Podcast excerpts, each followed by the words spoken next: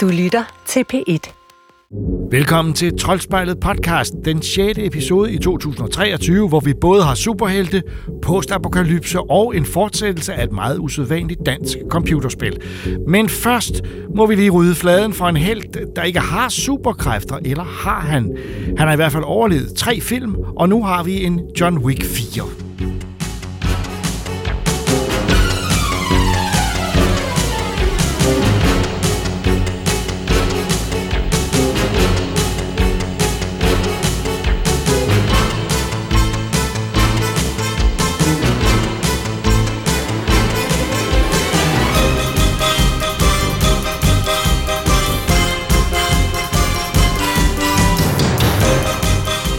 I en hævnhistorie, der startede med en død hundevalg, sluttes der nu af med et brag af over-the-top action, nu hvor John Wick 4 er klar. Keanu Reeves har endnu en gang iført sig det skudsikre jakkesæt for at myrde sig gennem de mange legemordere, der prøver at komme ham til livs. Troels og Regitze vil nu forsøge at fortælle, hvad de oplevede, da de så John Wick nummer 4, som i modsætning til de tre første ikke har manuskript af John Wick skaber, forfatteren og produceren Derek Kolstad. This hit goes out to you, Mr. Wick. 42 regular, wasn't it? Yeah. And so it begins. Yeah, yeah, yeah. Living in this time behind enemy lines, so I got mine. I hope you. Challenge you to single combat. If you win, you'll have your freedom. And when I see you, I'ma take what I want. So Amen. Ain't real. Hope ya. Y'all feel the wrath of killer.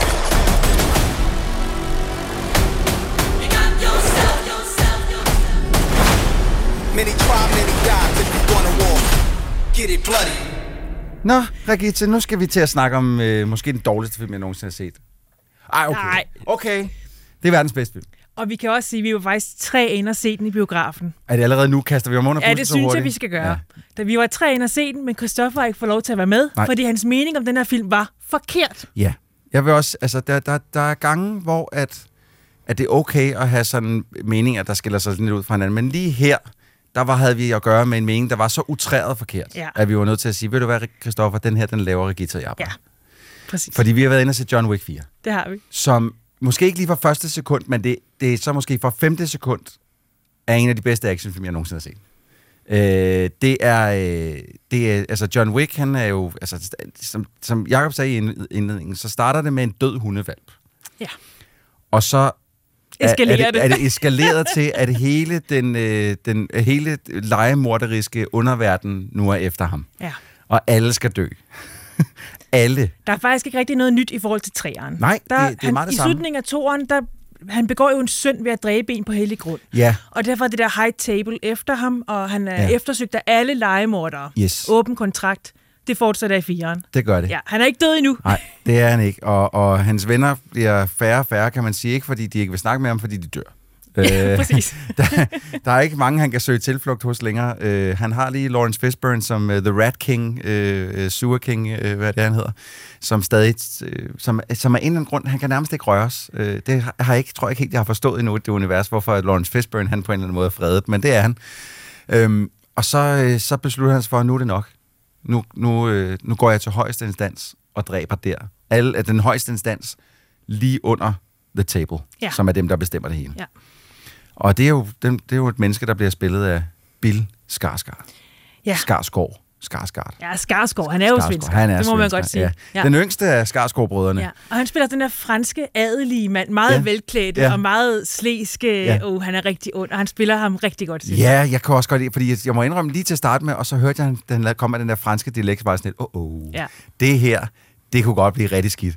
Men så var han så gennemgående nederdrægtig, at man bare sådan lidt, ja, det er fedt. Det er Ja. fedt, det hele. Det er det. Øh, hvad hedder det? Vi har også at gøre med en ny øh, Mr. Nobody, en ny legemorder, som er efter øh, John Wick, og en anden, Kane, spillet af Donnie Yen. Yes. En blind legemorder Han er nemlig blind, men det gør ham bare til en endnu bedre kæmper. med et svær i sin stok. ja. Øh, Og hvis man synes, det her det lyder sådan lidt, hey, det er lidt fjollet. Ja, Ja. men det er også ret sejt. Det er, og man skal ikke tænke på, er det realistisk? Nej, det er Nej, det ikke. det er det ikke. Der dør så mange mennesker. Alle legemordere. Det virker nærmest som, at især i Paris, der er alle legemordere. De, Ja. de drøner efter ham, Men det er venter godt- på, at det er deres tur til at prøve at slå ham ihjel. Ja. og så bliver de bare slået ihjel af John Men har du, har du været i Paris? Alle legemordere er i Paris. Det er der vist ikke nogen tvivl om.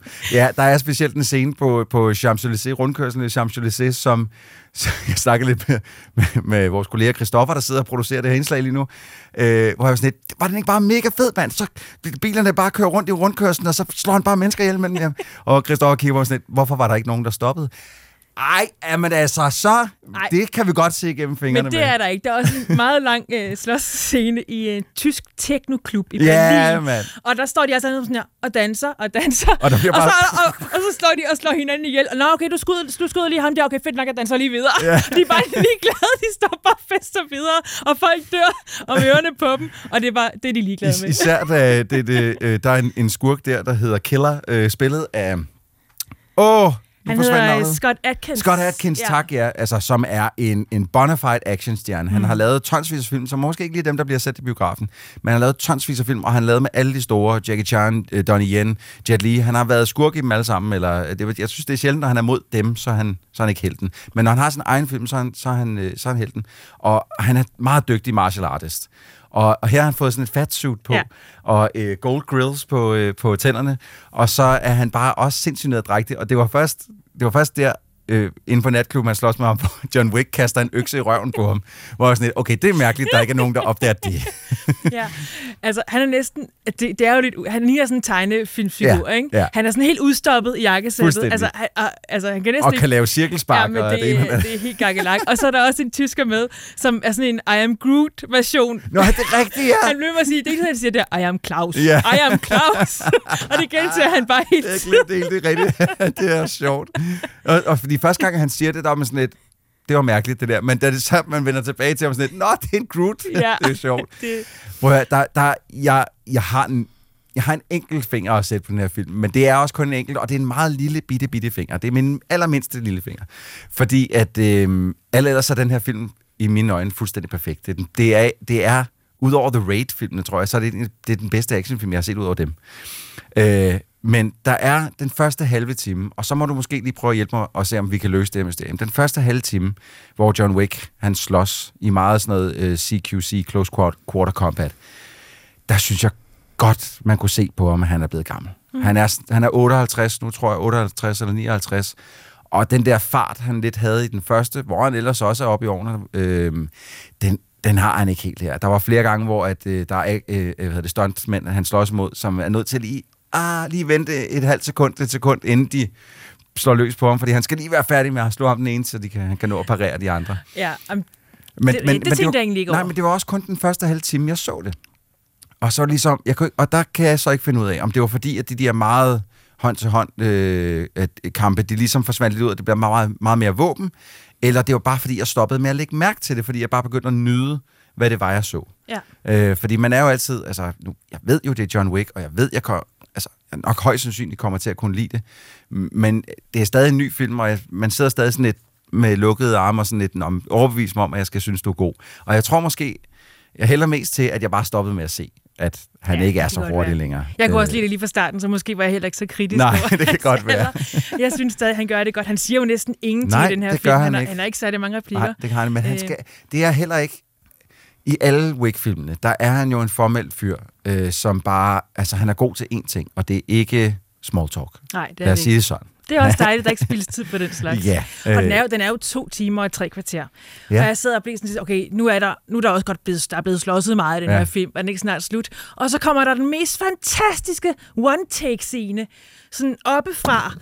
Ej, hvor er den fed. Og jeg sad bare og tænkte, ja, hvor er det godt det her. Og så Her- vågnede jeg lige op igen og var Ja. klar til mere øh, slåskamp. Her er vi nødt til at nævne øh, den danske fotograf, Dan Ja. Lausten, som har filmet den her. Øh, utrolig dygtig fotograf som har lavet en sekvens i den her film, som hvis den sekvens ikke går ned i historien som en af de bedste, altså på top 3 over actionsekvenser, der nogensinde er lavet, Ja. så er der fandme noget i vejen. Fordi goddammit, det, det er sjældent, at jeg sidder, fordi jeg sidder i biografen tilbagelænet, jeg er underholdt, giv mig mere, mm, jeg kan lide det hele. Jeg synes, jeg, jeg synes, du har ret i, den har lige sådan en, hvor man tænker, jeg kan, jeg kan mærke, nu har jeg spist den sidste bid, nu Ja. er jeg ved at være Ja. mættet, og så er det den der sekvens. Ja. Men jeg sad stille og roligt tilbage og sådan lidt, ej, det er godt det hele der, det er godt, godt, godt. Og så går den der sekvens i gang, hvor jeg var nødt til at sætte mig helt ud på, øh, på det yderste af min biografstol, og bare læne mig frem og sådan lidt, what? Ja. Ej, det Fordi det, godt. er så sindssygt. Og, så, og, og jeg vil sige, en, ikke bare kameraføringen er fantastisk, men de har også lavet et, et genialt artistisk valg, at han render rundt med en shotgun og bruger de shotgun shells, der hedder Dragon Breath, som ikke bare skyder øh, de små blykugler derud, de skyder også, altså det, det, det med ild og gnister, Ja. at alting flyver ud, som bare ser fuldstændig sindssygt ud. Jeg har, jeg har, øh, det virker meget som om, at de har øh, ikke stjålet eller noget som helst andet, men de har set et spil, som jeg lige bliver nødt til at nævne her, der hedder øh, Hong Kong Massacre, som er, er helt den sekvens i hele spillet igennem, hvor du ser, du ser tingene opfra, og der bruger du nemlig også Dragon Breath øh, øh, ammunition i dine shotguns. Det er vidderligt den sekvens, man ser i 6 minutter eller sådan noget i den her film, som er mindblowingly fedt. Altså det er så godt. Jeg håber generelt så hele den her film, der var jo ikke hver 50 sekund, hvis du, havde, hvis du sad og så den på din computer, hver 50 sekund ville du kunne trykke print screen og hænge det op på din væg og sige, det her det er kunst. Ja. Fordi der er ikke et lys i den her film, der er, der bare er sat op. Det hele er sat med vilje. Selv da de går ind på et tidspunkt, der står de inde i en, metro, i en metrovogn, eller en togvogn, øh, hvor en subwayvogn, det var det, jeg ville sige, så, hvor at, at der er placeret røde lysstofrør i toppen, for, fordi at, hvorfor ikke? Det har aldrig været i en, i en vogn, men det ser fedt ud, så selvfølgelig skal der være lyd, røst, lyd, øh, røde lysstofrør i, i toppen. Alt lys er meget planlagt i den her film. Alle konturer, alle kontraster, det hele er planlagt ned til mindste detalje. Ja. Og det gør den altså også, at man, den bliver aldrig kedelig at se på. Aldrig nogensinde. Nej. Selv, øhm, selv Champs-Élysées-scenen, hvor der må man gå ud fra, at de har brugt en del computergrafik, fordi at, at der er mange biler, der kører rundt om dem der, mens de skyder hinanden og kaster hinanden ind i biler og det ene og det andet. Øhm, der, det, der virker det stadig sådan lidt underspillet. Det er ikke sådan, at man sidder og tænker, uh, det ser ikke ægte ud, det her. Øh, det hele er bare vel planlagt. Men den er vist også en del dyrere, end de andre har været. Ja, og, og, og manus er jo lige meget den her historien er lige meget. Det er koreografi og stunt, der er Ja, stjernen her. ja. Ikke? Og det er jo bare så velkoreograferet som den smukkeste dans øh, nogensinde. Ja. Bare øh, ultravoldelig dans. Og selv, selv altså det var sjovt, vi, øh, man, vi har siddet igennem en helt film næsten. Der er, hvad er der, 35-40 minutter tilbage, og det har været dødalvorligt. Mange stunts, folk der dør, bliver, altså, der, flere gange i den her film, hvor jeg sad sådan lidt, altså, jeg følte, jeg var lidt ved at blive lidt gammel, nærmest. fordi jeg var sådan lidt, åh, det er ulækkert, det der. Øh, må kigge lidt væk. Øh, men, men meget alvorlig film. Og så de sidste sådan 35-40 minutter, så kom der sådan lidt humor med ind i, altså Ja. med trapperne på Sakakør Ja, der, ikke? præcis. Han skal nemlig op en masse trapper øh, til den sidste battle, han Ja. skal igennem. Og man kan bare se, hvor træt han ser ud. Og, Der er så mange trappetrin, og han kommer ikke rigtig nogen vejen, og han bliver bare mere og mere træt, ja. og, det, og man, man kan se på ham, at åh, det, det er altså et dårligt sted at være her. Ja, det, det, jeg, har, jeg, jeg, har ikke taktikkens, øh, jeg har ikke taktikken på min side her. Nej. Øh, men hold kæft, Rigitte. Jeg, jeg ved ikke, om jeg bliver nødt til at gå ind i biografen og se den her en gang til. Fordi jeg føler lidt, soundtracket bliver jeg også nødt til at snakke om. Øh, de, de bruger blandt andet i, i Sakakørs, eller undskyld ikke Sakakør, i Champs-Élysées-scenen bruger de øh, en kunstner, som Christoffer har informeret mig om, hedder Geschaffelstein, som er et super weird navn til, til et band, men øh, vanvittigt fedt nummer. Øh, meget elektronisk, hårdt pumpende bas.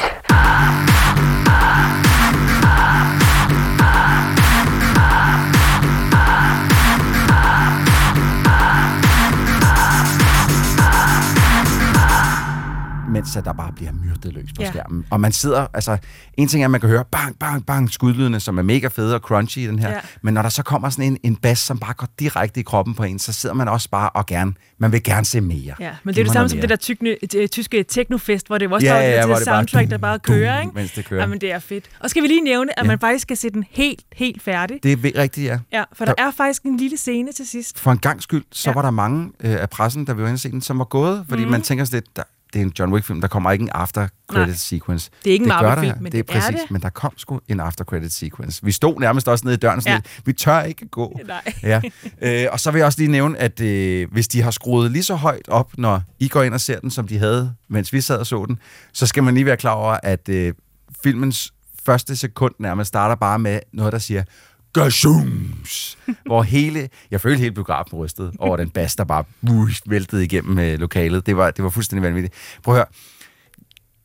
10 ud af 10 action, 10 ud af 10 øh, visuelle øh, kvaliteter, 10 ud af 10 lyd, øh, skuespil, der er jo ikke så meget at, at sætte en finger på, fordi der er ikke så meget af det. 10 ud af 10, det er også. altså, der, jeg, jeg, jeg, jeg har ingen... I got no notes. Nej, jeg er helt enig, og det var godt, Christoffer ikke kom ind til den her anmeldelse. Det vil jeg også sige, fordi han havde sgu været en downer. Ja, det han havde havde været en Debbie Og Downer. det gider vi ikke. Ja, og det gider vi faktisk ikke, når vi skal snakke om verdens bedste film. Hej, Christoffer. øh, så, så er det vigtigt, at, øh, at vi lige får lov til at sige, at det er verdens bedste film. Og så, så nu ved I derude, at Christoffer han sidder her i baggrunden og synes, at den her film den er skød.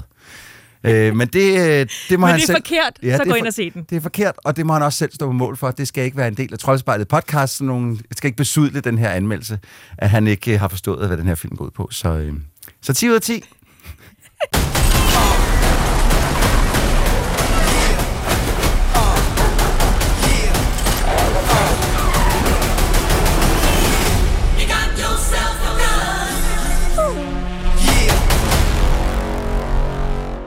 Da det danske Bedtime Digital Spilstudie udgav det første Figment-spil i 2017, var det en helt særlig oplevelse. Ikke et spil med et budget på 100 millioner, men alligevel rigtig godt. Især fordi omgivelserne og temaerne er så anderledes. Et surrealistisk univers, hvor man befinder sig inde i en menneskehjerne, hvor alt er gået i hårdknude. Nu er der problemer igen, og det er op til vores to hovedpersoner, Dusty og Piper, at fikse problemet. Troels og Christoffer har spillet Figment, nu med undertitlen Creed Valley.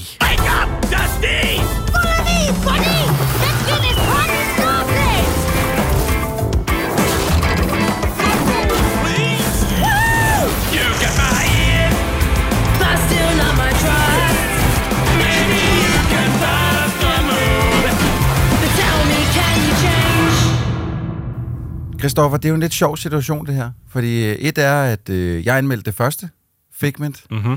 Nummer to er, at du har jo rent faktisk besøgt udviklerne Ja. til en tidligere troldspejlsudsendelse. Bedtime Digital, op i Aalborg. I Aalborg, ja. Hvor de sad og var gået i gang med Figment 2. Mhm. Mm-hmm. Øh, så vi faktisk for i det, der hed Troldspejlet Company for nogle år siden, viste noget, nogle tidlige billeder af, hvad der var Figment 2. Ja. Øh, og nu er det så endelig ude på næsten alle formater. Det er vel både PlayStation, Xbox, Switch og PC. Jeg har spillet det på Switch. Ja, Og du har spillet det på PC. jeg har spillet på PC, Mhm. ja. Øh, hvor at jeg, øh, lige til at starte med i hvert fald, lidt misundet dig, fordi at, øh, at jeg kunne huske fra det første, at jeg ville ønske, at jeg havde haft den håndholdte version. Ja.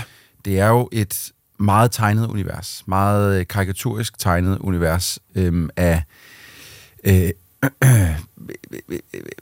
surrealistisk. Ja. Super surrealistisk. Og puzzle som udgangspunkt. Det er jo Ja. et puzzlespil Ja. med lidt, lidt platformslignende tilgang til det. Ja, og man spiller ham her, Dusty, med sin, øh, med sin sidekick Piper, som Mhm. mm-hmm. er en fugl, og Dusty, jeg, jeg kan ikke rigtig finde ud af, hvad jeg, jeg tror måske, han skal øh, være i et immunforsvar. Han, Nej, jeg tror, han er mod. Jeg tror, han er mod. Ja, jeg tror, han ja, er courage. det, ja, det er rigtigt. Han er nok, han, det er rigtigt. Han er sgu nok mod, ja.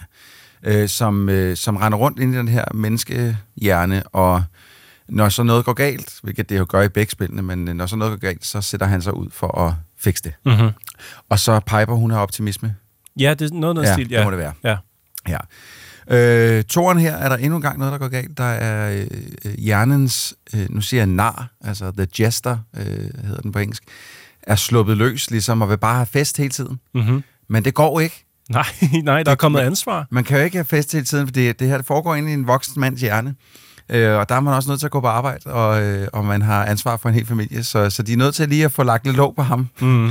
fordi han er sindssyg. Ja, det er han. Det er, han er lidt sådan... Øh, han repræsenterer lidt den der tanke om, var livet ikke bare federe, før man fik en kone og børn? Ja, præcis. Og, og vi får også nogle snippets, som igennem spillet, øh, når man får låst op for flere ting, så får man sådan nogle små øh, sekvenser, hvor man kan høre noget lyd fra den rigtige verden, fra både forholdet mellem den her far og, og datteren, Ja. men også mellem faren og konen, Ja, som altså hænger i en tynd tråd Ja. øh, flere gange. Ja. Øh, Og der, der er man jo så, som du siger, Dusty og Piper, som skal sørge for, Ja. at vores hovedpersons sind ikke snyder ham og ender med at få ham ud i et, altså en værre situation, end Ja. den han allerede er i. Ja, Ja. Øh, det, det, det, det er i hvert fald kommet ud på et skråplan, fordi at The Jester bare har rendt rundt og ha ha ha, nu skal vi danse og Ja. lege og Ja. party party. Øhm, og, og med det samme, vi to har jo snakket lidt øh, bag, bag øh, slukkede mikrofoner, så at sige, om at øh, vi følte lidt, det lignede meget det første. Ja, det følger øh, faktisk helt fra det første sekund. Da jeg Ja. startede spillet op, der Ja. tænker jeg, hold nu fast, hvor er det her bare øh, mere af etteren. Ja. Øh, jeg jeg har så været tilbage og kigge på etteren. Ja. Og jeg kan jo godt se, der er faktisk sket ret meget Det er der. siden etteren. Men det er sjovt, som ens hjerne... Øh, fordi det er lidt ligesom, at hvis man har spillet det første Halo, til, det, og man kun har spillet den gang, man spillede det første Halo, mm. og så spiller Halo 3, 4 eller 5, så er man sådan lidt, "Nå, men det ligner jo bare selv, indtil man så lige får spillet det første Halo Ja, igen. det er hvor sådan Åh, nå ja, det, var, det her det var faktisk bare mega grimt. Yes. Øh, og, og det er rigtigt, sådan har man sgu også lidt med det her. Altså, fordi jeg var også lidt, Nå, men det her det er jo et velkendt univers. Men det er nok også fordi, at figurerne og øh, hvad skal man sige, øh, alle mechanics i spillet Ja. er meget tæt op af, Ja. hvad man fik i etteren. Ja. Øh, så vil sige, hvis man holdt af etteren, så allerede nu kan vi jo afsløre, at det er jo altså en, forlæng- en direkte forlængelse af etteren. Fuldstændig. Der er ikke noget, der sådan er blevet rystet gevaldigt. Det føles faktisk som om, det slutter der, hvor, eller det starter der, hvor etteren slutter. Mm. Øh, øh, så, så det er rigtigt. Der er ikke, der er ikke mange sådan visuelle ændringer, og, og dog, jeg synes, der er noget, øh, noget animation, som er blevet en del bedre. Mm. Og så deres worldbuilding, synes jeg også har... Øh, det er måske ikke helt lige så varieret, som det første var, for jeg har også lige siddet og kigget igennem nogle gamle optagelser af det første, som, hvor man nogle af de steder, man kom hen, så helt anderledes ud end andre steder, mm. hvor det synes jeg måske ikke helt, det gør her. Til gengæld så er der en bedre sammenhæng mellem de øh, baner, man har, hopper igennem her. Ja. Og så er der jo helt nye mechanics. Øh, man skal være en detektiv, for eksempel på et tidspunkt, der skal løse mysterier om en, øh, en mening. Meninger er i det her spil er identificeret med en, et, et, et dyr, eller en, Ja. en, en entitet af en art. Sådan en lille æggeformet Ja, sag der går, der går mange meninger rundt. Ja, Øh, ja. og der er, en, der er øh, den mening, der hedder justice, altså justits, øh, den der med, at man synes, at tingene skal være retfærdige, er blevet slået ned. Mm. Og så skal man prøve at lure, hvem har gjort det. Ja, Og det er, der er ret mange sådan sjove små puzzles, fordi ligesom du siger, at der var, åh, det, lign- det minder meget om det, vi har set, så må jeg indrømme, jo, jo længere jeg spillede, jo mere kunne jeg se, hvor meget de har lært fra det første. Ja. Og hvor, hvor meget bedre øh, de er blevet til at skabe øh, et, et, et, et, et, et spil, der hænger sammen. ja. Hvor, Jamen, øh, jeg, jeg, jeg er helt enig. Jeg synes, det er, en, det er en virkelig... Altså, tanken er nok det, jeg allerbedst kan lide ved ja. det her spil. Altså tanken om at lave et spil, der foregår i sindet, mm. og alle de små sådan finurlige, Ja. sådan nærmest ordspil, de Ja. bruger til at bygge gameplayet op omkring. Altså, man kommer også forbi et sted, som minder lidt om en kirkegård, eller sådan en skraldet losseplads, Ja. hvor der ligger nogle instrumenter, og det er selvfølgelig på det tidspunkt, der får man at vide, at "Nå, men det var dengang, hvor vores hvor, hvor sindet tænkte, man skulle være musiker, Ja, ja. og nu er den, den, den tanke ligesom begravet her. det er bare, det, er- det er nogle sjove... Sådan, der er også på et tidspunkt, hvor de her opinions, de, øh, de, de har ikke rigtig fået farve endnu, fordi de står i kø. Ja, de, de- skal igennem en, en etisk labyrint. Ja, de skal at certificeres, så at ja, sige. Ja, fordi de sætter sig ikke fast som, som, som holdninger, før de har været igennem etikken. Ja. Og når de har været igennem etikken, så er der nogle af de her holdninger, som, som sætter sig fast Ja. i, i sindet, og får lov til at bo der. altså der- bo der i den forstand, at der er, altså, som i en by, altså sådan, Ja. flytter ind. Det er lige præcis, den bane er faktisk ret sjov, fordi at, øh, at øh, man, øh, man skal igennem den her labyrint, fordi man, der er et kompas, ens moralske kompas er gået i stykker. Mm. Eller den her, det her menneskes moralske kompas er gået i stykker, og det skal man samle igen. Og det skal man ved at samle nogle, nogle, øh, nogle sten, øh, og, og en af de sten skal man så finde i den her øh, etiklabyrint, men uden at afsløre for meget, men, men der, der er noget, der går galt derinde, så mm. man falder ligesom ned, og så møder man nogle af alle de her meninger, som er blevet forkastet. Nå, ja, ja, ja. som er ret sjovt, fordi det er sådan nogle... Øh, Nå, men jorden er også flad, og, mm. og der er nogen, der står og synger en sang med, vi kan ikke lide vacciner, fordi at de virker ikke. Mm. Hvor at det, jeg synes, de har haft lidt tongue in cheek, mens de har lavet den, fordi der er faktisk ret mange øh, de forkastede meninger, hvor jeg sad og var sådan, og hyggede mig ret meget med at stå.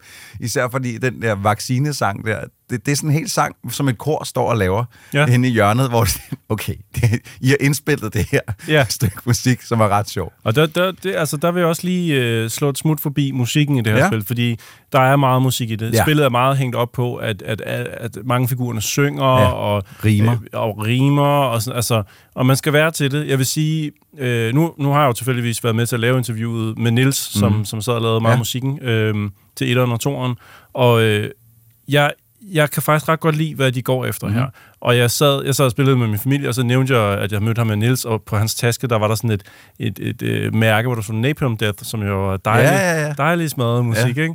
Og, øh, og da jeg nævnte det, så sagde øh, min bedre halvdel, hun sagde, det kan jeg faktisk egentlig godt høre Ja. ja. i det her, selvom at, det er slet ikke, fordi det er et metalspil, Nej, det her, eller noget. ikke. Men man kan høre, at der er en knist af, Ja. af Nils der i, som, som har Og noget vanvid, ikke? Ja, noget vanvid, måde, ja. ja, ja. Og, Øh. øh. og jeg ved ikke om... Det er nok ikke fordi, at jeg sådan vil sige, køb spillet for at høre soundtracket, Fordi mange steder vil også lidt, åh, oh, det ved jeg ikke. Øh, det er ikke lige min kop te Nej. altid. Og jeg tror også, der er nogen, der vil sige, ah, det, det, jeg springer med herover, fordi stilen, stilen er ikke lige mig. Nej. Men omvendt, så kan jeg sagtens se for mig, at andre vil blive fuldstændig, altså, Tryllebundet af det. fuldstændig fanget ja. af musikken her. Altså, jeg, øh, det er først øh, øh, den aller sidste boss fight, hvor at, øh, øh, som foregår selvfølgelig med, at, at The Jester synger en sang, hvor at musikken rigtig klikkede for mig. Det, det er musik, der bliver spillet af egentlig ikke rigtig mig. Ikke fordi det er dårligt, det er bare ikke rigtig min stil. Mm. Men, men, øh, men det aller sidste nummer i spillet er pardon my French, røvgodt. Altså Okay. virkelig, virkelig Ja, fedt. ja, okay, du er helt derhen. Ja, Ja. Øh, fordi at, at det simpelthen øh, også de billeder, det foregår til, der bliver skudt missiler og alt muligt andet efter en, mm. så, så, og der passer musikken sindssygt godt ind. Der, der var det ligesom, der klikkede lige for mig sådan "Nå, okay, det er meget fedt det der. Fordi øh, øh, jeg kan lige så godt sige, jeg kan rigtig godt lide Figment 2, men ligesom jeg havde det med Figment 1, man skal være okay med rim og sang. Ja. Øh, og, og, og rim og sang på den måde, som øhm, hvordan skal jeg sige det, ikke nødvendigvis er så sejt. Mm. Altså, det, det, meget af den her musik, der er i det her, er jo ikke sådan sej musik. Det er ikke sådan øh, super tung rap eller et eller andet. Det er sådan noget, øhm, det er musik, der er lavet til at forklare, hvad der er, der foregår. Ja. Og det er ikke, fordi det er dårligt eller noget som helst andet. Det, man skal bare lidt være til det, mm. for at nyde det, tror jeg. Jeg nød kun det aller sidste nummer. Alt andet var sådan et, okay, videre, videre, videre, videre. Okay. Øh, og så det der øh, antivax-nummer dernede, som jeg, som jeg sad og grinede ret højt over. Men, men øh, det, og det er ikke, fordi det tager for noget for spillet, fordi det passer godt ind i den setting. Mm. Kunne jeg finde på at sætte det på nogen som helst andre steder? Nej tak. Men det passer godt ind i spillet. Og, og der er kun en enkelt figur, som gudske tak og lov ikke er så meget med i toeren, som var ret meget med i etteren, som rimer alting, han siger. Ah, den der vismand. Ja, og ja. Har, ham er jeg glad for, at de har sådan lidt, Nå, vi er færdige med dig. Han er lige med sådan lige, jeg tror det er lige i starten af spillet, og så er han også med i, i, i slutningen mm. af spillet. Og det, det er den perfekte amount of him, tak. Okay, okay, Fordi ja. at jeg har meget svært med sådan noget rime noget der. Jamen, jeg, jeg er egentlig ikke så, så afvisende over for Nej. det. Øh, jeg tænkte faktisk på flere gange, at det her spil mindede, for mig i hvert fald, meget om Banjo-Kazooies tilgang til musik Ja. med en masse rim Ja. og, og en hyggelig tone. Og hvis, det, hvis Banjo-Kazooie så mødtes med, med Tunic Ja. ja. og, og, og havde Ja. været inde i biografen og se Inside Out, Ja. og så tænkte, det skal vi lave et spil ud af, Ja. så tror jeg nogenlunde, man vil sådan have Figment. Det er sjovt, du lige nævner Banjo-Kazooie, det har jeg slet ikke tænkt over, men jeg, kan, jeg synes faktisk, der er noget animationsarbejde, som, øh, som godt kunne minde lidt om det der meget karikerede i Altså i og med, at Banjo-Kazooie. vores hovedperson har en fugl med sig Ja. gennem hele eventyret. Ja, ja, som jo sidder i rygsækken. Ja, Men, og her øh, der svæver Piper så rundt, ja, ja, ikke? Øh, Men Den, det er sjovt, den, den reference, det ligger så langt væk, Banjo Kazooie, så det jeg slet ikke lavet den reference over i hovedet, men det er fuldstændig rigtigt. Det har lidt øh, en vibe derhen af. Men altså, jeg, jeg kan lige så godt sige, jeg synes, det er en anbefaling. Jeg, jeg, på en eller anden måde kan jeg ikke lade være med at, at lige sige, at man skal lige tjekke det ud på mm. YouTube eller et eller andet først. Øh, eller i det mindste have spillet etteren først, fordi det, jeg synes, det er lidt svært at spille toeren, hvis man ikke kender lidt til etteren i forvejen. Ja, det starter næsten så lige på hårdt, som Ja. om, at man lige har afsluttet etteren, Ja. at jeg har næsten også lyst til at sige, øhm, at man skal være bekendt med etteren i Ja. hvert fald. Lige at, altså, Så må, hvis man ikke gider sætte sig og spille det hele etteren igennem, så skal man i hvert fald lige have set noget Let's Play eller eller andet på YouTube. Men mm. det er man nødt til. Øh, fordi der, ellers så er der, tror jeg, der er ret mange ting, som er lidt svære at forstå i det. Hvorfor er det, tingene er, som de er og sådan noget. ja, det kunne man godt, ja, det kunne man nok til dels godt sige, ja, det er rigtigt. Jeg var glad for, at jeg spillede etteren i hvert fald. Ja. Fordi der var, der, der var figurer, der dukkede op flere gange, hvor jeg var sådan lidt, øh, hvad er det nu lige, det her er? Og ja. Så måtte jeg lige sådan gå tilbage, så at sige, og finde ud af, nå, ja, okay, sådan, sådan, sådan. Mm.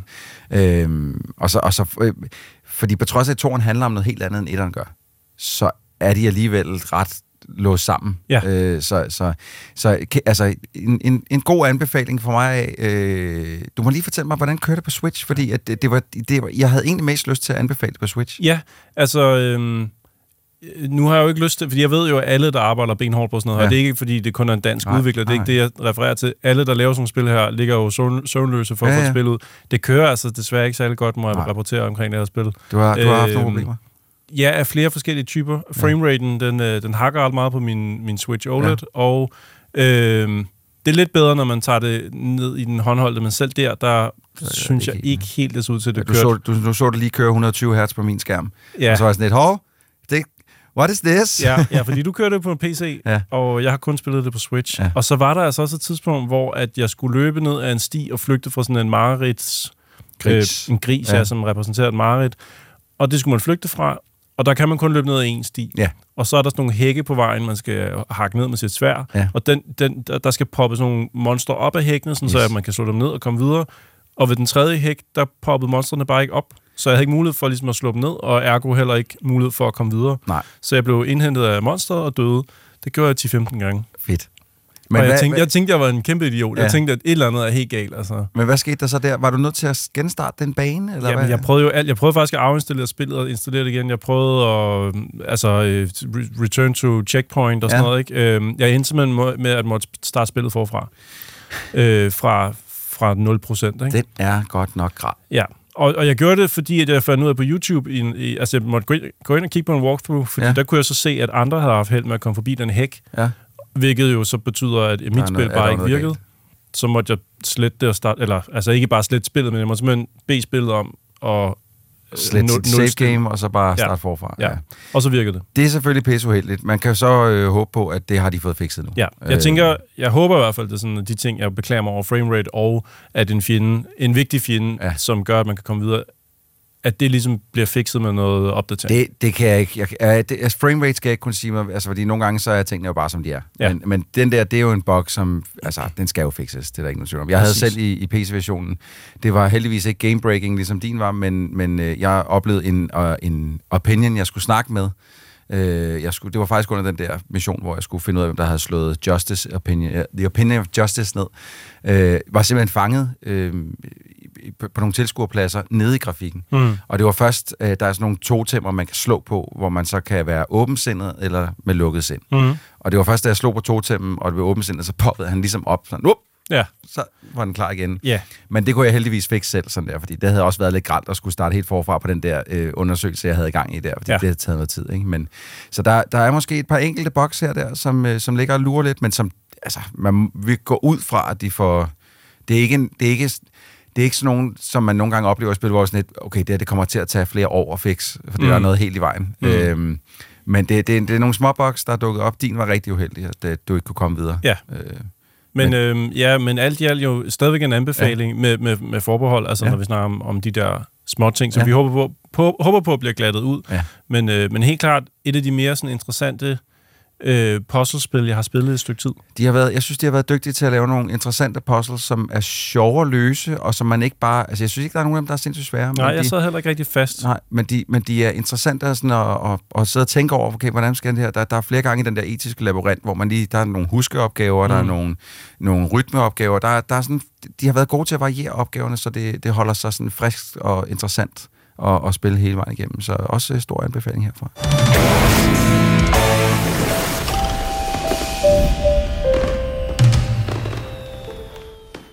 Både som instruktør og som igangsætter af mange andres film og serier er Steven Spielberg enestående. Og i Troldspejlets verden må vi gang på gang konstatere, hvor mange af vores allerstørste oplevelser, der har haft med hans virke og hans sans for eventyr og gode historier at gøre. Så det er klart, at Spielbergs film, der handler om ham selv, den måtte vi også have med. Ida og jeg har set The Fablemans.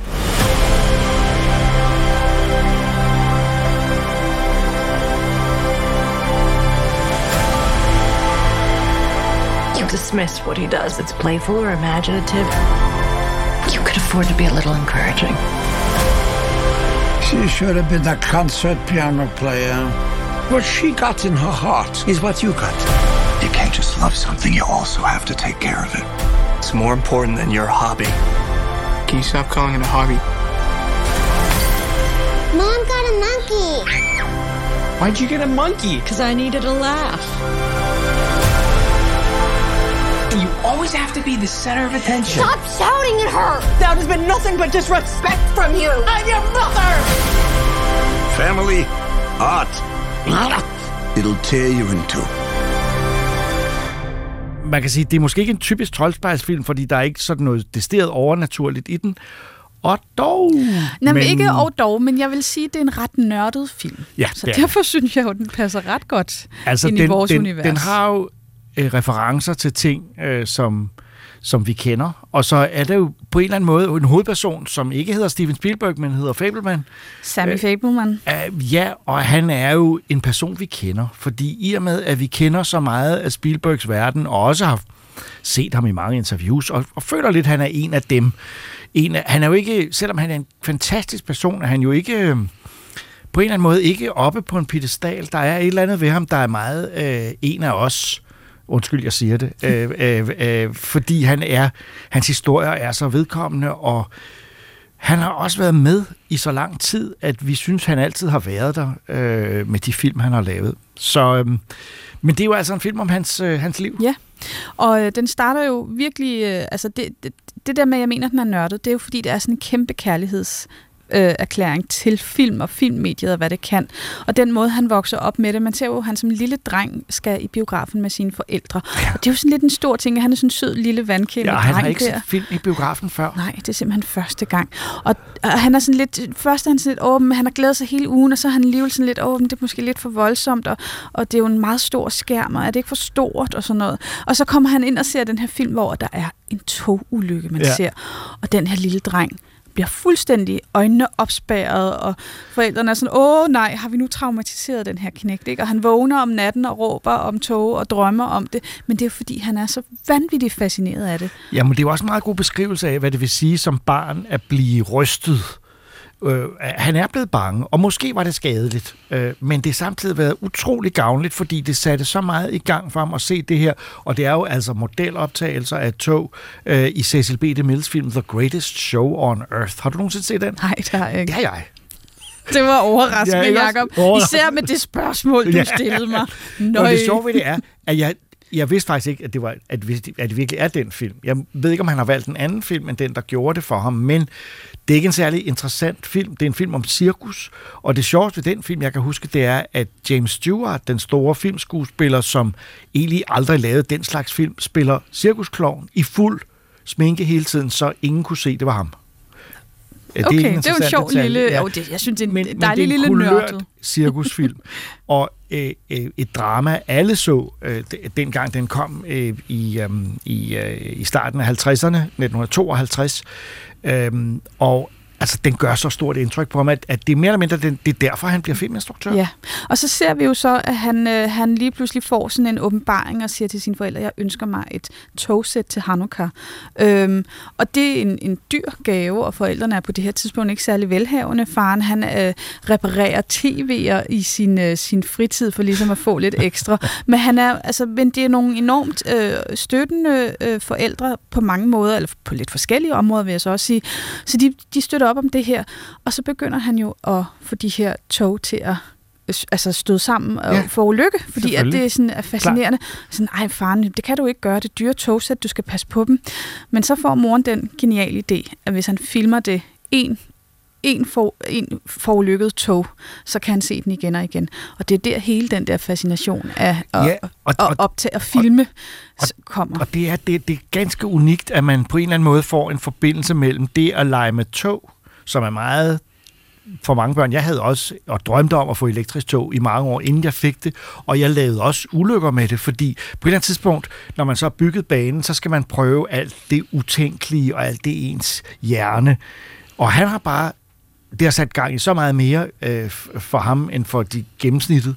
Ja. Øhm, fordi det her Super 8-kamera, han så får og laver film med, øh, det, øh, det, det følger ham jo, og han når, så kommer også op i graden og får en bedre kvalitet. Han får et 16 mm Bolex på et tidspunkt, og i det hele taget øh, øh, fylder film rigtig meget. Men det, jeg synes, der er så fascinerende, er, at det ikke er en, en, en film, der handler om, hvordan han blev filminstruktør direkte. Det handler om hans familie, og faktisk også om den tragedie, der er i familien, eller den, de problemer, der er mellem forældrene, og hvordan det, at han nogle gange filmer noget, pludselig har indflydelse på hans opfattelse af virkeligheden.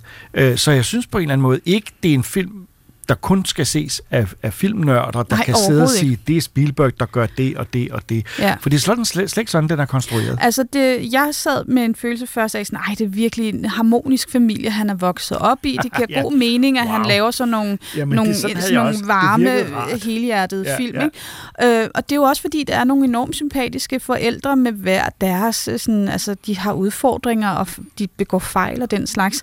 Men så begynder det at krakelere, og den her kernefamilie, han får øh, tre søstre også i løbet af, eller de to af dem er der, og så kommer der en, en efternøle og sådan noget. Øhm, men men det, det går i stykker, og jeg var simpelthen hele følelsesspektret igennem i forhold til de her forældre, i forhold til den her familie. Altså, Ja, jeg var rørt, men så blev jeg simpelthen så vred, og jeg blev så ulykkeligt, ja. skuffet, Ja. og jeg sad og råbte af dem, fordi jeg var så frustreret over, at det det her, tror jeg ikke, at der var så mange gode der var, så mange, der var så meget kærlighed i den her familie, og så der alligevel var nogle, nogle er personlige valg, der blev truffet, Ja, ja. Som, som går hen og ødelægger det. Ja, og som bliver traumatisk. Og pludselig kan man faktisk, og det er det spændende ved det, man kan sidde og kigge på filmen og sige, den giver lige nøglen til, hvorfor E.T. handler så meget om skilsmisse i starten af filmen, og om savn, og hvordan en lille dreng har det. Det øh, jeg vil sige også ægteskabet øh, med Richard Dreyfuss og Terry Garr i Close Encounters, der er også noget af det der med, hvad sker der, når den ene person på en eller anden måde bryder ud, eller bliver vanvittig på en eller anden måde. Ja. Så der er masser af, af, af referencer, ikke direkte, men hvor man kan se spor af, hvorfor Spielbergs, eller nogle af Spielbergs film er, som de er. Ja. Og så er det jo så også, altså han er jo ikke øh, ufejlbarlig heller, øh, Sammy. Nej. Øhm, og det synes jeg jo faktisk også er meget ærligt, hvordan han sætter fokus på, på hans egne største fejl her i livet. Og også det der med, hvor altså, det kommer til at give ham stor glæde, at han vælger at blive filminstruktør og kaste sin kærlighed på det medie. Men det bliver også hans største kærlighed, og derfor kommer det til at skabe en distance til familie, til, til andre mennesker, han elsker. Det kommer altid til at være en barriere der, og det finder han øh, tidligt ud af, øhm, og det synes jeg også er en, en vild ting at sige øhm, med den her film. Og så synes jeg også, at den, øh, der er nogle mindelser om den type film, hvor altså for eksempel som den gamle Antonioni-film Blow Up, hvor en fotograf finder ud af, at der er noget på hans billeder, han ikke lagde mærke til først. Det oplever Spielberg også med sin film. Og så hvor meget han kan manipulere, når han i forhold til sine klassekammerater, som driller ham en del, og hvor man oplever, at han er blevet udsat for noget antisemitisme. Hvordan han bruger øh, filmmediet til at manipulere øh, med dem, og faktisk ydmyge en på en måde, en meget subtil måde, sådan så den ydmygede, der egentlig er blevet ophøjet til at være Gud, i den film, han har lavet om ham, føler sig ydmyget af at være blevet ophøjet. Altså, det var meget ja, det var, det var en ret interessant og scene. der skulle man lige fordi- tænke sig om, hvad er det, der foregår Ja. her? Og det synes jeg var sindssygt jeg forstod, spændende. Jeg forstod ikke reaktionen sådan umiddelbart, men det Nej. gik jo selvfølgelig op for Ja, mig. ja. Altså. Og jeg synes, at det, jeg, jeg synes, det var meget overraskende også. Øhm, så. Og så igennem hele den her film er der jo så også virkelig meget musik, hvilket også forklarer, tænker jeg. Øh, Steven Spielbergs film har jo altid haft fantastisk musik af, af nærmest udelukkende John Williams. Men hans mor øh, var jo koncertpianist, men hjemmegående, så det var ikke rigtig noget, hun fik, Nej, fik også levet lidt en, ud. en sørgelig skæbne øh, på Øhm, den måde. Men hendes klaverspil, altså når hun, når hun har nogle svære perioder, tyr hun til det. Der er også tidspunkter, hvor hun får lov at optræde og øve sig til koncerterne og sådan noget. Eller får lov, det er ikke hendes mand, der forhindrer det, skal det sige. Så han støtter hende i det, Ja, ja. men hun synes ikke selv, at hun har tid til det og vælger det fra. Øh, og det er jo selvfølgelig også den tid, øh, de lever i. Hvis det havde været vores tid, så havde hun selvfølgelig godt kunne have været koncertpianist og være mor øh, ved siden af, fordi at, at det har vi ligesom lært af at begge forældre må godt have en karriere. Øh, men, men musik er bare en væsentlig del af hans, hans liv og opvækst, og også de film, han laver, fordi der er jo ikke lyd på. Og så sætter han, øh, så når han står og viser dem på, øh, på projektoren mm. for sine øh, spidervenner og sådan noget, så er der jo en plade, han har fundet, der passer til. Og det, det, noget af den musik er, er netop klassisk Hollywood-filmmusik fra 40'erne og 50'erne. Han sætter Alfred Newmans, tror jeg, Captain from Castile på til noget af musikken og gør lige, lige præcis den der manipulationsfilm med kammeraterne. Og det afspejler jo så også, at det er den type musik, som John Williams bygger så meget af sit arbejde på. Så altså, der er mange nøgler til tingene. Men som sagt, den handler egentlig mest om en familie og om en dreng og hans, øh, hvordan han bliver voksen. Og så er der så nogle, nogle hentydninger til film, men der er ikke så meget fra filmbranchen, øh, bortset fra en slutning, som vi selvfølgelig ikke skal spoile, men det er på den anden side en slutning, der vi godt vil lægge op til, er værd at vente på, fordi i den slutning møder han et af sine idoler, øh, som spilles helt fantastisk af et andet i- filmidol, øh, og det er bare en scene, der varer fem minutter, og som afslutter det hele på en måde, så man bliver så grebet og så opløftet, øh, at jeg næsten, jeg bliver net, det løber koldt ned ad ryggen på mig bare ved at, at fortælle om den scene. Men altså af, af, af begejstring, ikke? Jo, jo. ikke? Det er ikke uhyggeligt på den måde. Nej, nej, Men, nej, det er, og, det er bekræftende også over for meget af hvad skal man sige, det enkle i at lave film, frem for at gøre det til noget kompliceret, og det, det, det, det er også meget bekræftende, at lige præcis den øh, filmmand, han møder, er den, der åbenbart så altså har været øh, øh, en af de mest inspirerende for ham. Ja. Nej, men altså det, som man nok kan høre på os, så er vi ret begejstrede. Jeg er vil jo lige tilføje også, det lyder måske med en familie, som er i opbrud, sådan det lyder jo lidt nedslående og sådan noget, ja, ja. men det er en virkelig morsom film. Meget. Det, det er en ret skøn og kreativ familie, og øh, ja, og så, ja, det, det, den, jeg var, det er lang tid siden, jeg har været begejstret for en Steven Spielberg-film, skal det siges. Altså, han har jo lavet mine yndlingsfilm, altså min aller en af mine yndlingsfilm, og en, som lige pt. er min yndlingsfilm, altså fordi det skifter sådan lidt, men det er E.T. Ja. Øh, og jeg elsker Schindlers List, jeg elsker Jurassic Park, Indiana Jones, altså Og han der er, er, noget af dem alle sammen i det her på et meget subtilt plan. Jeg synes faktisk, hvis jeg, altså jeg har set nogle meget lunkne anmeldelser, som siger, at den er da meget sød, men det er ikke noget særligt. Jeg synes, det er en af Spielbergs allerbedste film. Øh, Jeg synes, den er på alle måder fremragende, og jeg glæder mig virkelig til at skulle se den igen og igen, øh, fordi jeg tror, der er mere i den, end man ser Ja. første gang. Og som du også har været inde på, fordi at det handler om den her familie, så er det så Altså, jeg tror, de fleste vil kunne spejle sig i det på en eller anden måde, eller vil kunne genkende nogle dynamikker, øh, som, som, som gør den i virkeligheden langt mere øh, almen interess, øh, interessant end så mange andre Spielberg-film. Hvis det handler om dinosaurer eller handler om UFO'er, så kan det godt være, at der er nogen, der ligesom står af på det. Ikke? Men Helt her, sikkert. så er det jo, vi har jo alle sammen familier, øh, eller fraværende familier, eller hvad det nu end kan være, så øh, ja, super Det her for er, alle. er den, den realistiske film fra Spielberg, som, øh, som øh, måske netop, som du siger, ikke har nogen dinosaurer som monstre eller, eller overnaturlige ting direkte, men som på en eller anden måde er overnaturlig alligevel i sin øh, beskrivelse af et fantastisk, og på, på den ene side fantastisk almindeligt liv, og fantastisk øh, øh, spændende liv. Så altså en anbefaling fra Ida og mig til øh, Spielbergs The Fablemans. I don't know what to do anymore. You do what your heart says you have to.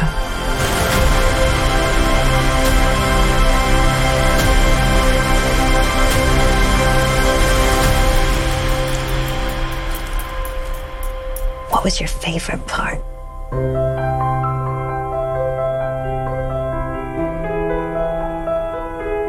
Shazam er tilbage. Superhelten, der startede sit liv som Captain Marvel. Hans første store film kom i 2019, og nu er opfølgeren klar. Zachary Levi er skuespilleren, der endnu en gang er trukket i heltekostymet, og Ida og Troels har set Shazam Fury of the Gods, som havde premiere for to uger siden. You are very menacing. I just want you to know that.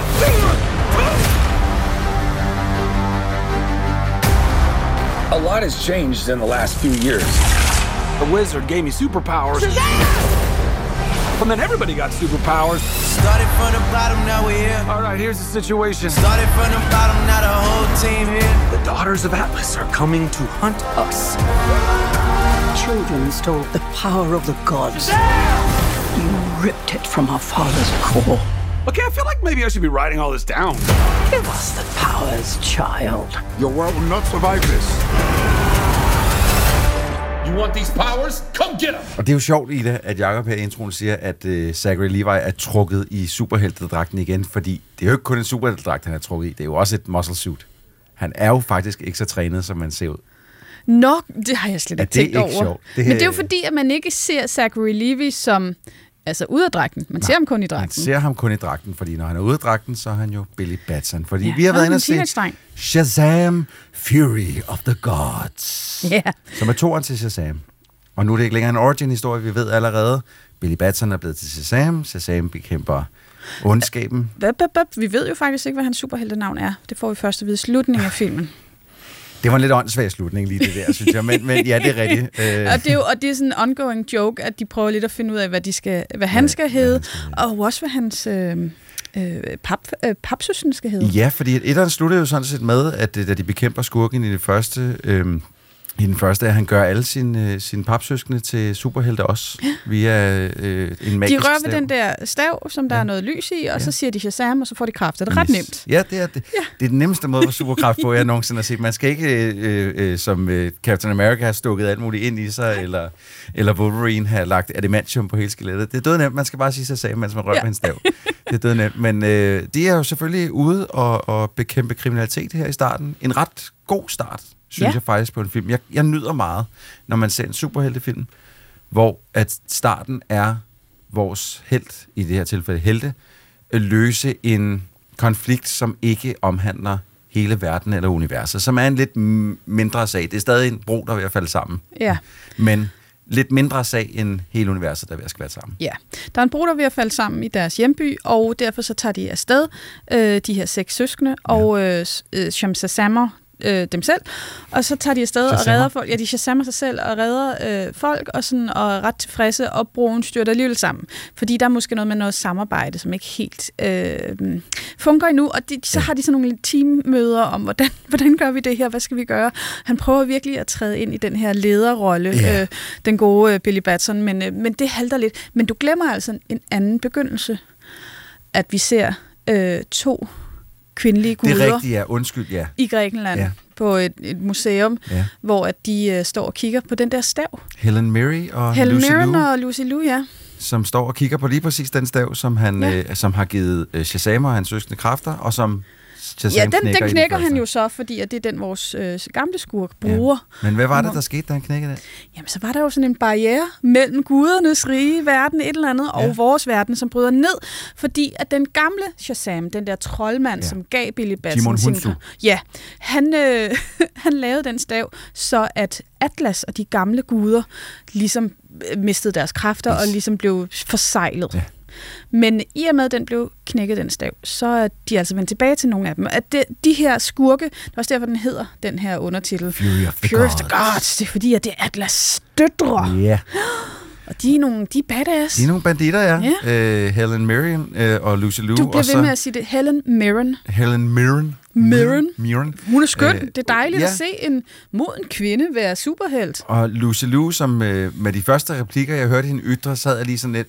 Øh, ah, og skar lidt ansigter, men, men det, hun groede på mig. Jeg tænkte, nej, hun, det, jeg synes klart, hun blev bedre som filmen. Øh, Sjovt. Jeg, løb. jeg, jeg synes, hun blev lidt sløj igen til hen mod Ja, slutningen. det gjorde hun faktisk Ja, også. nå, Men det, der var en midtersektion, hvor jeg synes, Jeg kunne godt lide okay. dem, og den, øh, øh, det, de konflikter, de også Ja. har, og den øh, forhindring, de er for de her unge mennesker, fordi de er jo ikke ægte guder. Ergo, så er de sådan lidt dårligere stillet måske, men de har guddommelige De kræfter. har faktisk det, fordi ja, det er jo Det er jo det, faktisk Shazam deres, står det er for, faktisk ikke? deres, øh, de- deres guddommelige kræfter nærmest, som de har, de har fået. Nu vil jeg Ja. ikke afsløre for meget om, hvordan og hvorledes de har fået dem, men det er jo faktisk deres kræfter.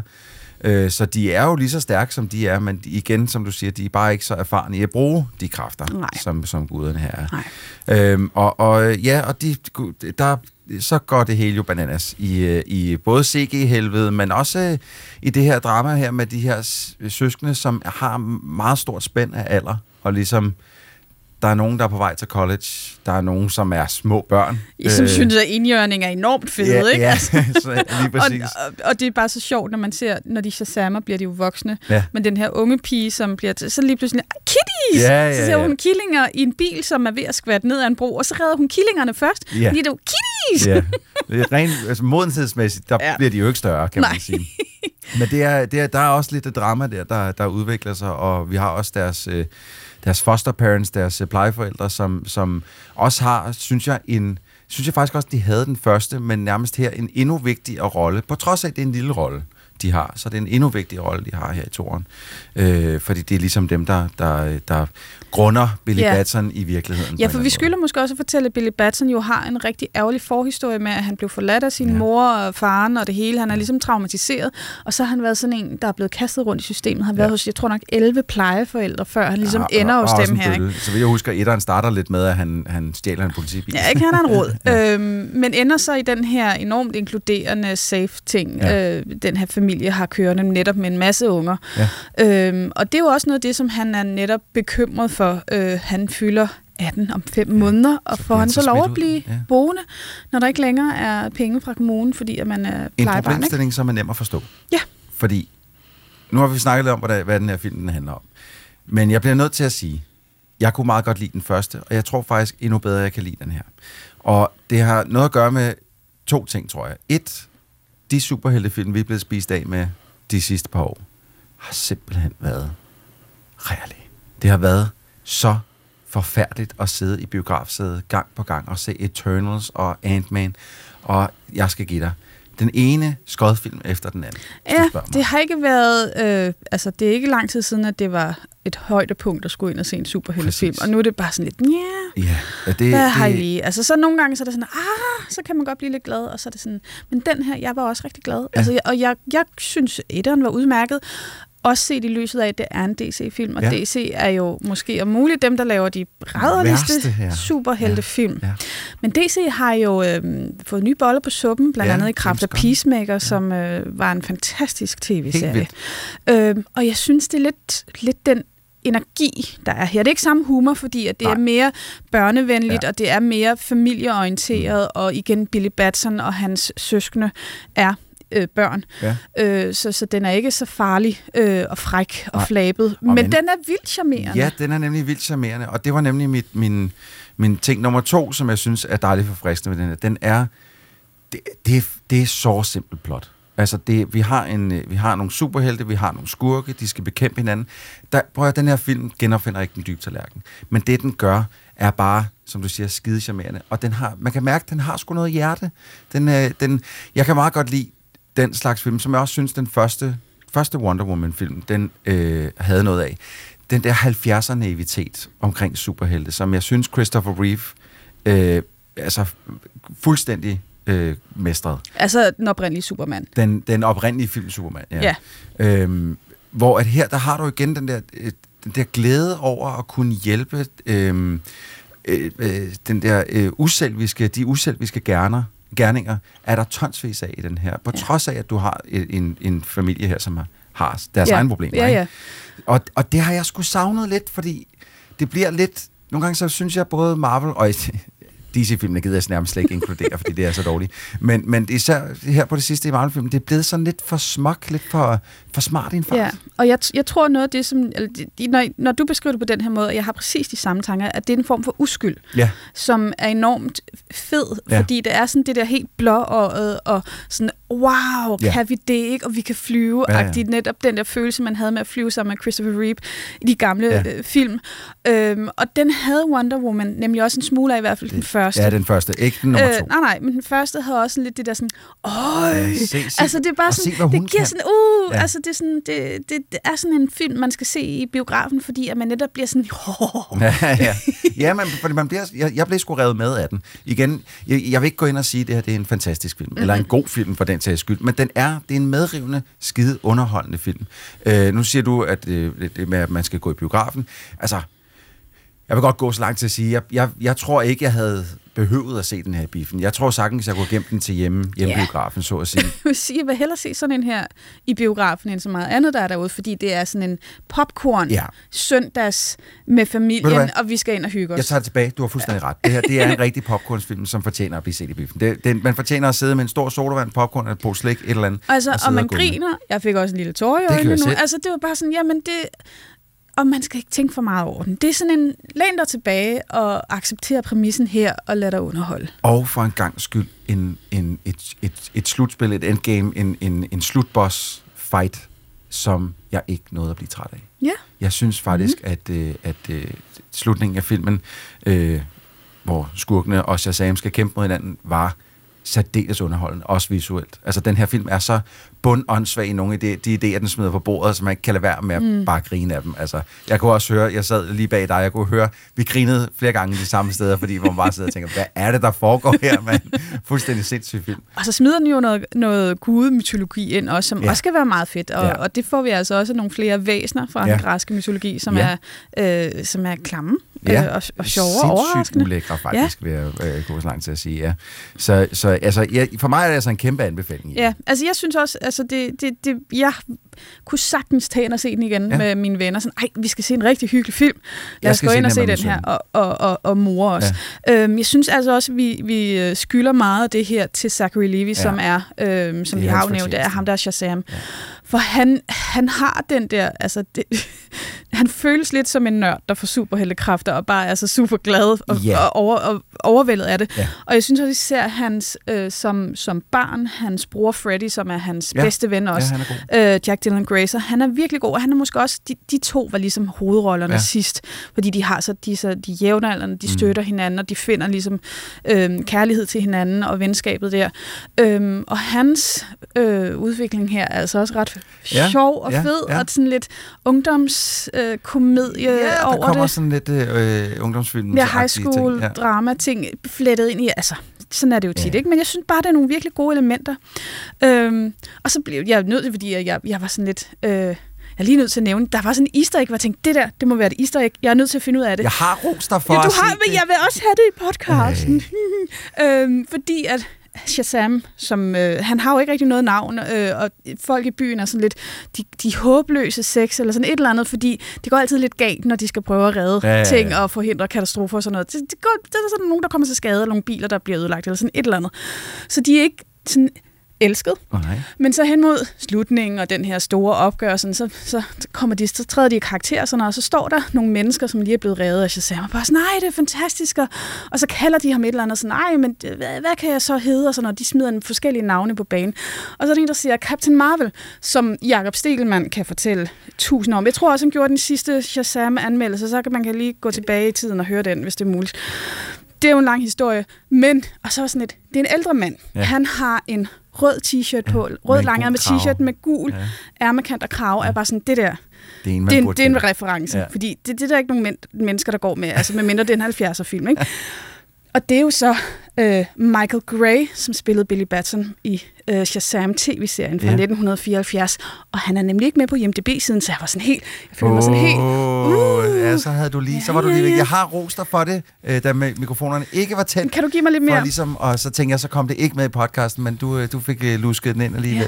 Men det er også en anbefaling med dig, og du vil også gerne have, at folk tager den i, øh, i, i biffen og ser den. Jamen det, Når det, det ja, når det, når der, jeg vil faktisk sige, jeg synes, det er sjældent, at der er film, som virkelig river i mig på den måde, jeg tænker, ej, jeg vil gerne se den i biografen. Mm. Fordi det, skal, det må godt være lidt stort og specielt. Altså, ja. nogle af de der lidt mere intime film er sådan lidt, jo, ja, men så, skal ja. jeg, jeg så vil jeg hellere være derhjemme og have det lidt måske trygt og godt, og sådan at sidde i biografen med folk hoster og irriterende og sådan noget. Øhm, jeg synes, biografen er rigtig god til de her store, Ja. store underholdende film. Så derfor så er det en af dem, jeg vil anbefale, dem der er aktuelle. Og så kan man også lige lægge mærke til musikken, som jeg faktisk synes var rigtig Virkelig god. Christoph Beck, fantastisk filmkomponist, og han har virkelig oppet sig. Han er lidt mere symfonisk måske, end han plejer at være. Ja. Øh, og det klæder ham. Altså, jeg synes, det er en fed balance. Den Det har lidt, lidt, af, at der var et lidt- heltetema, som, lidt, som havde- lidt retro, lækkert, Ja. nostalgisk, symfonisk-agtigt over sig. Ja, det er super godt.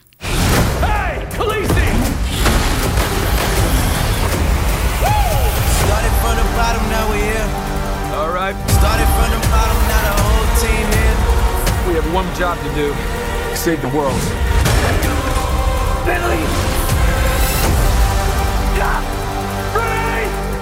I don't know how we fight powers like this. I can't do this. Take my powers back. You gave them to me, so you can take them back, right? Her i Troldspejlet podcast taler vi jo som regel om de nye serier efter at have set et par afsnit. Men indimellem har vi jo behov for at samle op, efter at serien er slut, for meget kan jo ændre sig. Og det gælder især for The Last of Us. Og derfor gør vi nyt det usædvanlige, at vi vender tilbage til den igen. Troels og Benjamin har set alle ni afsnit. Men det betyder så også, at vi taler om slutningen, og man derfor ikke skal lytte videre, hvis man ikke har set den og ikke vil høre, hvad der sker til sidst. Og det gælder både i serien og sådan set også i spillet, den er bygget over. What bother going on?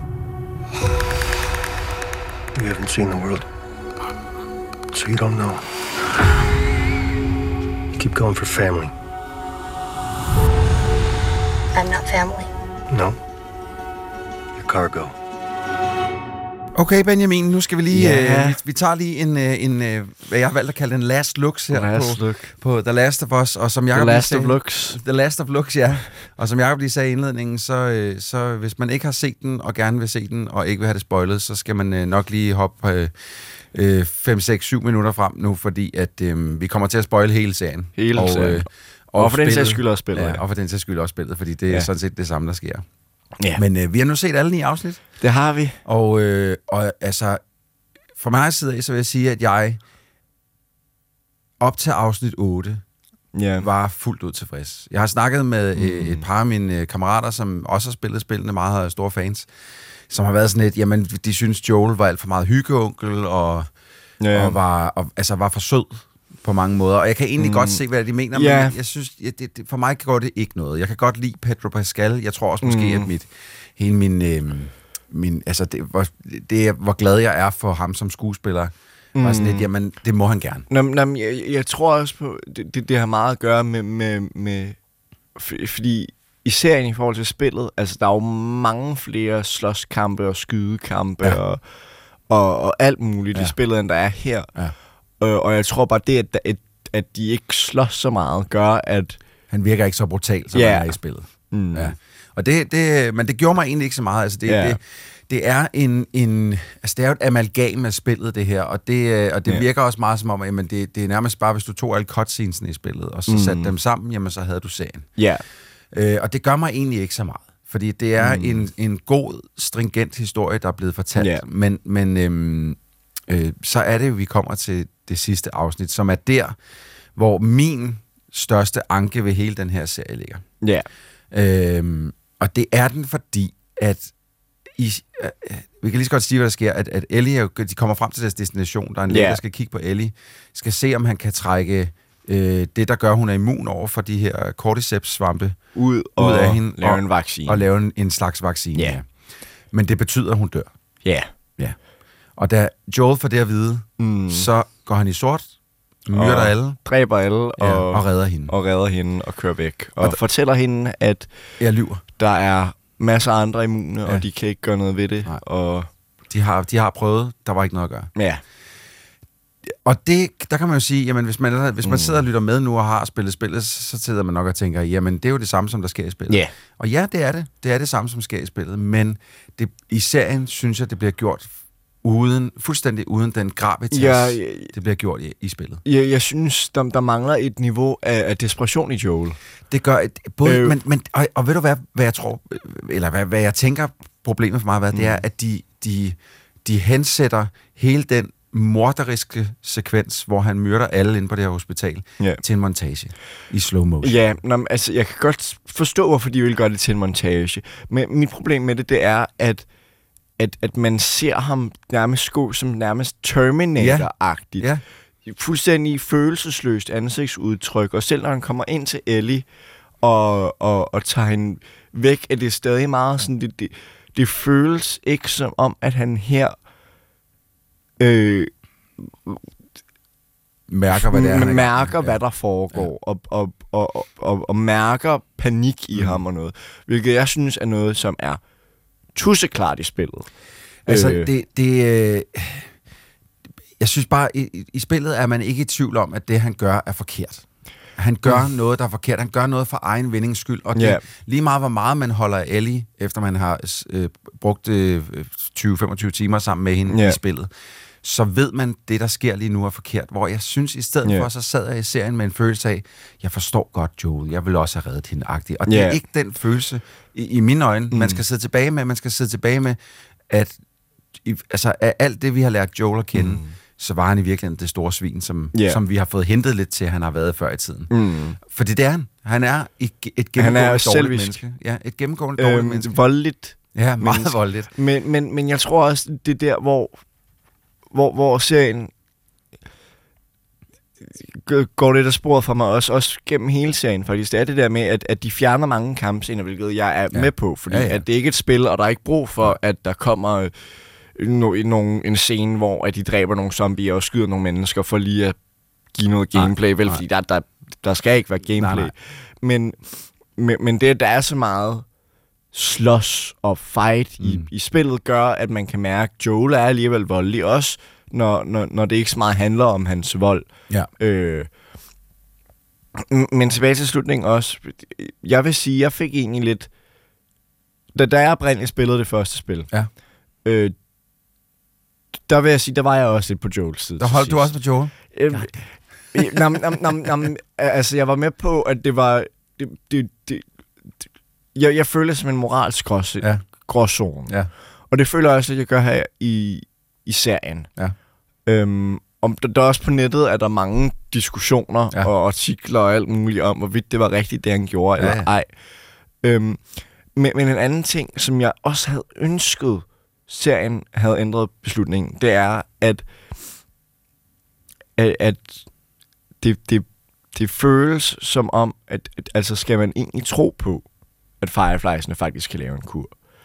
Fordi Men det, ja, men det er jo en ting i spillene også, at, at Ja, han, han er heller det ikke det. sikker på, at de kan finde ud af at lave en kur. Og, og, og, og, og fordi det føles som om, at de gerne vil have dig til at tro 100% på, mm. at ja, det kan de. Ja. Og, og det er, Det er 100%. guaranteed, Ja, det er de får en 100%. kur, hvis Ja. de gør, hvis de Ja. dræber alien. Ja. Men, men sagen er bare, at det, det går så hurtigt fra så snart de får Ellie. Ja. Det er, altså, de, de lægger hende i nekrose og laver Ja, ja, ja, nærmest det går- en, det går en test. Altså, der går ja, ja. knap nok 24 Ja. timer. Man ved ikke præcis, hvor lang tid, men Nej. det er under 24 timer. Han er bare blevet slået ud, så man ud fra, altså, det er op, det. så, Øh, øhm, og, og, og, og allerede, de, de spørger hende ikke engang. Nej, nej. Øh, og, og, og du ved, det er rundown hospital. Ja. Altså, Ja. og 20 år efter apokalypsen, og de er desperat, kan de overhovedet? Ja. Og, og, og det er et spørgsmål, som jeg føler, serien stiller, og spillet stiller. ja. Men jeg føler ikke, at det bliver stillet med vilje. Nej, det, er, Øhm. det, det, det bliver ikke gjort med, med overlæg, så at sige. Ikke? At det øh. der med, jamen kan I overhovedet finde ud af det her? Det er mere sådan en, man sidder, man sidder selv med tanken om, mm. Er, er, det her, kan, er det lad, lad sig gøre? Øh, ja, ja, at, er de kompetente? Øh, og også fordi, at, at, de tilføjer der en lille ting her i, i serien, hvor at, at de uddyber lidt i, hvordan de ville kunne gøre det, med Ja. at jamen, de ville kunne, kunne der er en, hun har fået cordyceps, fordi hendes mor blev bidt Ja, lige ja, inden ja. hun blev født, men det er så en venlig cordyceps, Ja, ja, som der ikke gør noget, men som der gør de andre cordyceps. Det er en meget, meget klassisk uh, fortælling, uh, som Og- vi også hørte fra Blade, blandt andet. i Ja, tid, at Han blev halv vampyr og halv menneske, fordi at hans mor blev bidt, da, han- da hun fødte ham. Elia Blade. Men det, jeg, jeg, jeg, jeg er langt hen ad vejen helt enig, og, og øh, øh, nu snakker jeg lige, snakker vi lige lidt om det, som jeg, som jeg ikke ved helt, om jeg er enig i, men, men det med nettet, eller med, med mine kammerater, og man også kan læse på nettet, at, at det er en, en mere venlig Joel, vi har med at gøre i den her serie, yeah. end det er i spillet. Mm. Men så meget desto mere havde det været effektfuldt for mig, hvis han var gået, altså hvis vi havde set mere af hans voldelighed til sidst, altså den der Altså. blodtørstighed, Men, men, som han, men han også har bare lidt, lidt af det undervejs. Men det er bare- ja. bare sprinkle lidt, ikke? Uh, For, fordi... Bare, altså, men, men, altså, og jeg tror, det hele ligger i den der skide montage, de har sat sammen mm. til sidst, da han myrder alle. Fordi vi får ikke... Det lov kommer til- lidt ud af det blå. Ja, den, ja, ja, altså, fordi han, han, han er ved at blive ført ud af hospitalet, så, der, så går slår den over i montage, og så myrder han alle. Altså, der er ikke... Du kan godt se... Han, altså, Pedro Pascal er en dygtig skuespiller. Du kan godt se på, Mm. om han går og tænker over, hvad gør jeg lige nu? Er, er, mit eneste, er min eneste mulighed at myrde alle de her mennesker og få hende tilbage, eller hvad, hvad men, gør vi? Men jeg synes bare ikke, de følelsesparat. Jeg, jeg, jeg vil ikke sige, at jeg vil lægge den på Pedro Pascal. Nej, nej, fordi jeg- hans performance er god. Jeg, jeg, jeg, jeg, tror, det er, hvordan det er blevet instrueret. Det, det, fordi at, at, at, og klippet. Ja, fordi ja. Det, det, han virker følelsesløs, Ja. ja. når han gør det. Og ja, der vil og, jeg altså og, gerne og det have- gør han ikke i spillet. Og, ved- og, og ved du hvad, altså, jeg, har ikke, jeg, havde, jeg vil egentlig heller ikke have brug for, at jeg kunne se smerten i hans ansigt. Åh, jeg vil ikke gøre Nej, nej, nej, det her, men, men- jeg er nødt til, men jeg vil gerne have set ham måske Noget endda nyde, måske, eller måske endda nyde den lidt. Ja, ja. Det- Og, og også fordi, at, at, at, at altså det, det føles ikke som om, at, at han rusher for at gøre Nej, det. nej. Det er ikke fordi, han, han er sådan, jeg bliver nødt til at gøre det nu. Nej. Han, han, det, som jeg sagde før, det er Terminator-agtigt, Ja, ja, hvordan han ja, går det er bare, og, og. Ja. Det... Øh, nej, men, så, men vi, jeg kan høre, at vi er, vi er generelt set enige, at, at, Ja. at det har været en rigtig god serie i lang tid. Jeg var Mm. meget glad for øhm, øh, DLC-afsnittet, som jeg har valgt at kalde det, øh, hvor Ja. man ser, hvordan øh, øh, Ellie bliver bidt i armen, øh, som man ser Jamen, det igennem hele serien. også perfekt ind. Der var også Ja. i, i spillet, der er det jo også en... Ja, og ligger altså et meget hjerteskærende, meget hjerteskærende afsnit. Øh, det samme afsnit 3 med, øh, med Frank og...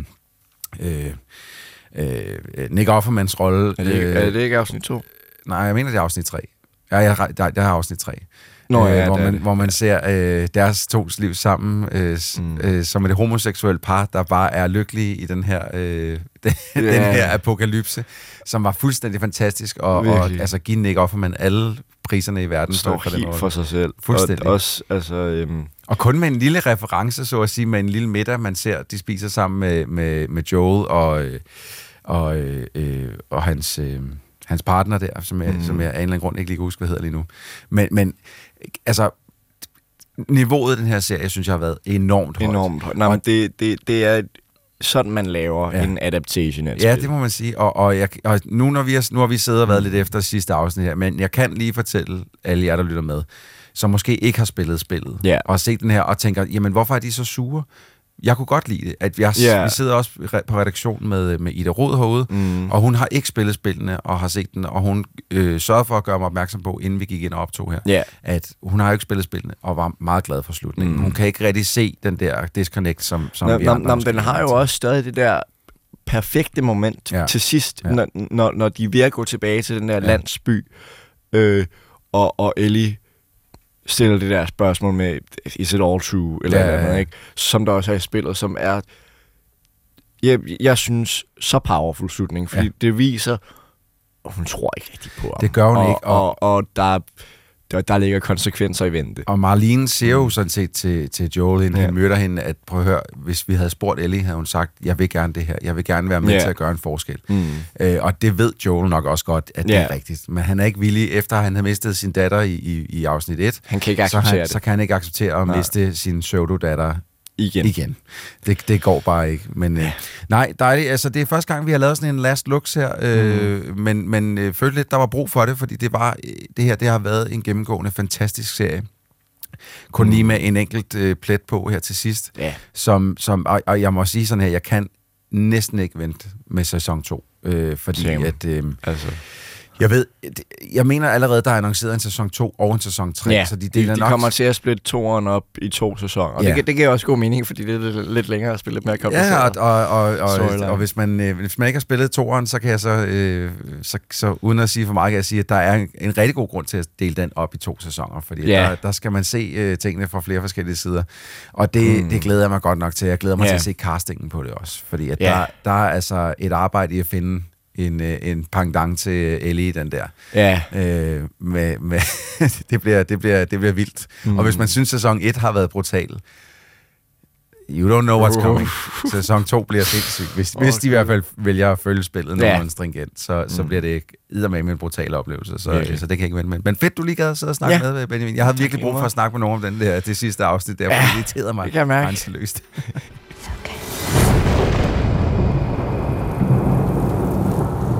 Det var, hvad vi havde på programmet i dag i Troldspejlet podcast. Vi er tilbage om to uger. I studiet var jeg, Jacob Stelmann, Ida Rud, Christoffer Andersen, Benjamin Stelmann, Rigitte Heiberg og så Troels Møller, der også stod for redigeringen. Tak fordi I lyttede med.